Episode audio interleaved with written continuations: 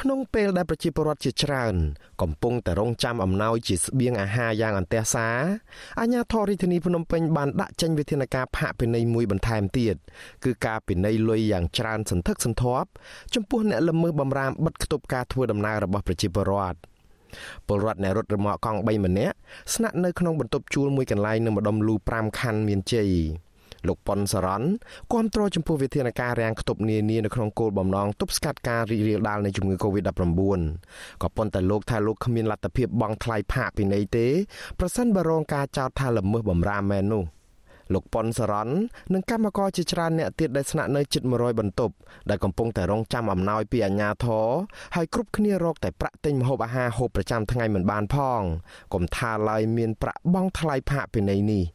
លោកស្នើឲ្យអាជ្ញាធរបង្កើនវិធានការចែកស្បៀងអាហារឲ្យប្រជាពលរដ្ឋនិងផ្សព្វផ្សាយលើកទឹកចិត្តកុំឲ្យប្រជាពលរដ្ឋចេញក្រៅផ្ទះជាជាងដាក់វិធានការផាកពិន័យប្រជាពលរដ្ឋនៅក្នុងស្ថានភាពបែបនេះ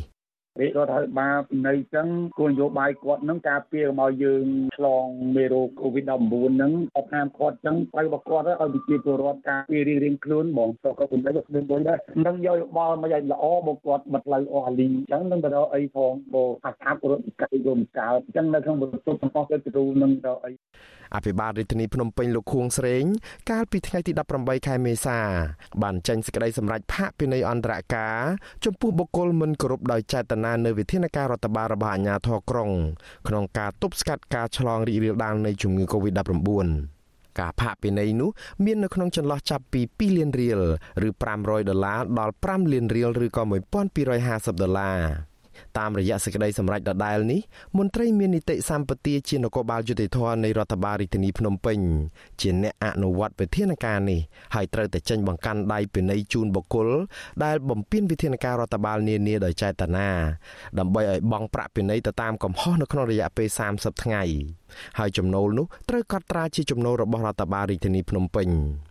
ក្នុងករណីអ្នកបំពេញវិធានការរដ្ឋបាលដោយចេតនានោះមិនបង់ប្រាក់ពិន័យនៅក្នុងរយៈពេលកំណត់ទេ មន្ត្រីមានសមត្ថកិច្ចត្រូវកសាងសំណុំរឿងបញ្ជូនទៅតុលាការ ចំពោះបុគ្គលដែលល្មើសនឹងបំរាមវិធានការរដ្ឋបាលនានាហើយបណ្ដាលឲ្យឆ្លងជំងឺ Covid-19 ទៅអ្នកផ្សេងអ្នកនោះនឹងត្រូវរងវិធានការពន្ធនាគារនិងទោសពិន័យជាប្រាក់បន្ថែមទៀតជំវិញករណីនេះអាស៊ីសេរីមិនទាន់អាចសុំការបញ្ជាក់បន្ថែមពីអ្នកនាំពាក្យសាលារដ្ឋាភិបាលភ្នំពេញលោកមាសមេតភក្តីបានទេនៅថ្ងៃទី19ខែមេសាក៏ប៉ុន្តែអ្នកនាំពាក្យស្នងការដ្ឋាននគរបាលរាជធានីភ្នំពេញលោកសានសុកសីហាប្រាប់អាស៊ីសេរីថានគរបាលមានសមត្ថកិច្ចចាប់ផ្ដើមអនុវត្តវិធានការនេះ តាំងតែពីថ្ងៃសេចក្តីសម្រេចចូលជាធរមានកាលពីថ្ងៃទី18ខែមេសាមកបើទោះជាយ៉ាងនេះក្តីលោកថាមិនទាន់មានពលរដ្ឋណាម្នាក់រងការផាកពិន័យនៅឡើយទេព្រោះនគរបាលរកមិនទាន់ឃើញអ្នកប្រព្រឹត្តល្មើសបំរាមនេះដោយសារតែករណីអស់ហ្នឹងកើតឡើងពីថ្ងៃទី15ដល់ថ្ងៃម្សិលមិញហ្នឹងអញ្ចឹងយើងអត់មានធ្វើការពិន័យទេគឺយើងវត្តតាមច្បាប់ទាក់ទងទៅនឹង COVID ដែលបានចេញតាំងពីថ្ងៃមុនហ្នឹងបាទហើយទាក់ទងនឹងការពិន័យអន្តរការនេះគឺយើងទៅតែចេញម្សិលមិញអញ្ចឹងយើងនឹងចាប់ផ្ដើមអនុវត្តតែយើងមានល្មើសយើងចាប់ផ្ដើមអនុវត្តយើងនឹងយកសេចក្តីណែនាំនេះយកមកអនុវត្ត ក្នុងស្ថានភាពដែលវិធានការរបស់រដ្ឋាភិបាលក្នុងការបិទគប់ទីក្រុងត្រូវអនុវត្តយ៉ាងតក់ក្រហល់ពេកដែលធ្វើឲ្យពលរដ្ឋត្រៀមខ្លួនមិនទាន់និងត្រូវប្រវេសប្រវាររកស្បៀងដើម្បីផ្គត់ផ្គង់ជីវភាពប្រចាំថ្ងៃបែបនេះអ្នកខ្លាំមើលសិទ្ធិកម្មករបារម្ភពីរយ៉ាងគឺការខ្វះស្បៀងនិងការរងពិន័យដោយសារតែចេញទៅរកស្បៀង។ អ្នកខ្លាំមើលសិទ្ធិកម្មកររកស៊ីក្រៅប្រព័ន្ធបារម្ភថាវិធានការនេះនឹងក្លាយជាបន្ទុកធ្ងន់ធ្ងរសម្រាប់ប្រជាពលរដ្ឋក្រីក្រ ដែលកំពុងតែប្រឈមស្ថានភាពអាសន្ននេះ។ ប្រធានសមាគមកម្មករកម្ពុជាសេដ្ឋកិច្ចក្រៅប្រព័ន្ធលោកសុកឈុនអឿង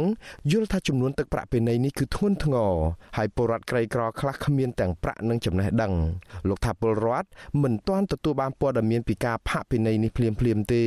ដូច្នេះលោកជំរុញឲ្យអាជ្ញាធរបង្កើនការផ្សព្វផ្សាយសិនមុននឹងអនុវត្ត មានសេចក្តីជូនដំណឹងមកគឺចាប់ផ្ដើមអនុវត្តលៀនអញ្ចឹងមានផលប៉ះពាល់ខ្ញុំគិតថាអាជ្ញាធរគួរតែមានការយោគយល់ខ្លះសម្រាប់ពួកគាត់ឲ្យគាត់ធ្វើតែធ្វើកិច្ចសន្យាឬក៏ពីនៃដល់តលមាត់អីចឹងខ្ញុំគិតថានេះជាការល្អសម្រាប់ពួកគាត់ចាប់តាំងតែពីរដ្ឋាភិបាលសម្រេចបិទគប់រាជធានីភ្នំពេញនិងក្រុងតាខ្មៅនៃខេត្តកណ្ដាលមកគឺចាប់តាំងតែពីថ្ងៃទី15ដល់ថ្ងៃទី18ខែមេសា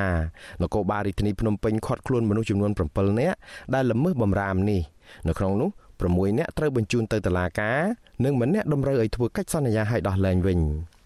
បើទោះជាយ៉ាងនេះក្តីមេដឹកនាំគណៈបកប្រឆាំងឯណោះរិះគន់វិធានការរាំងខ្ទប់នេះថាជ្រុលហួសហេតុបង្កជាការលំបាកដល់ជីវភាពពលរដ្ឋធ្ងន់ធ្ងរ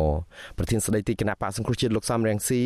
ណែនាំមេដឹកនាំរបបក្រុងភ្នំពេញឲ្យសិក្សាបទពិសោធន៍ជោគជ័យពីប្រទេសវៀតណាមក្នុងការទប់ស្កាត់ការរីករាលដាលនៃជំងឺ Covid-19 នេះ លោកសំរងស៊ីជំរុញឲ្យលោកហ៊ុនសែនដាក់ចេញកម្រិតរាំងខ្ទប់តាមតំបន់ក្នុងក្រុងដូចជារដ្ឋាភិបាលវៀតណាមគឺការរាំងខ្ទប់កម្រិតស្រាលរាំងខ្ទប់កម្រិតខ្ពស់និងរាំងខ្ទប់នៅក្នុងកម្រិតភាពអាសន្នខ្ញុំបាទមុងណារ៉េត With you Azizi Saray ពីរដ្ឋធានី Washington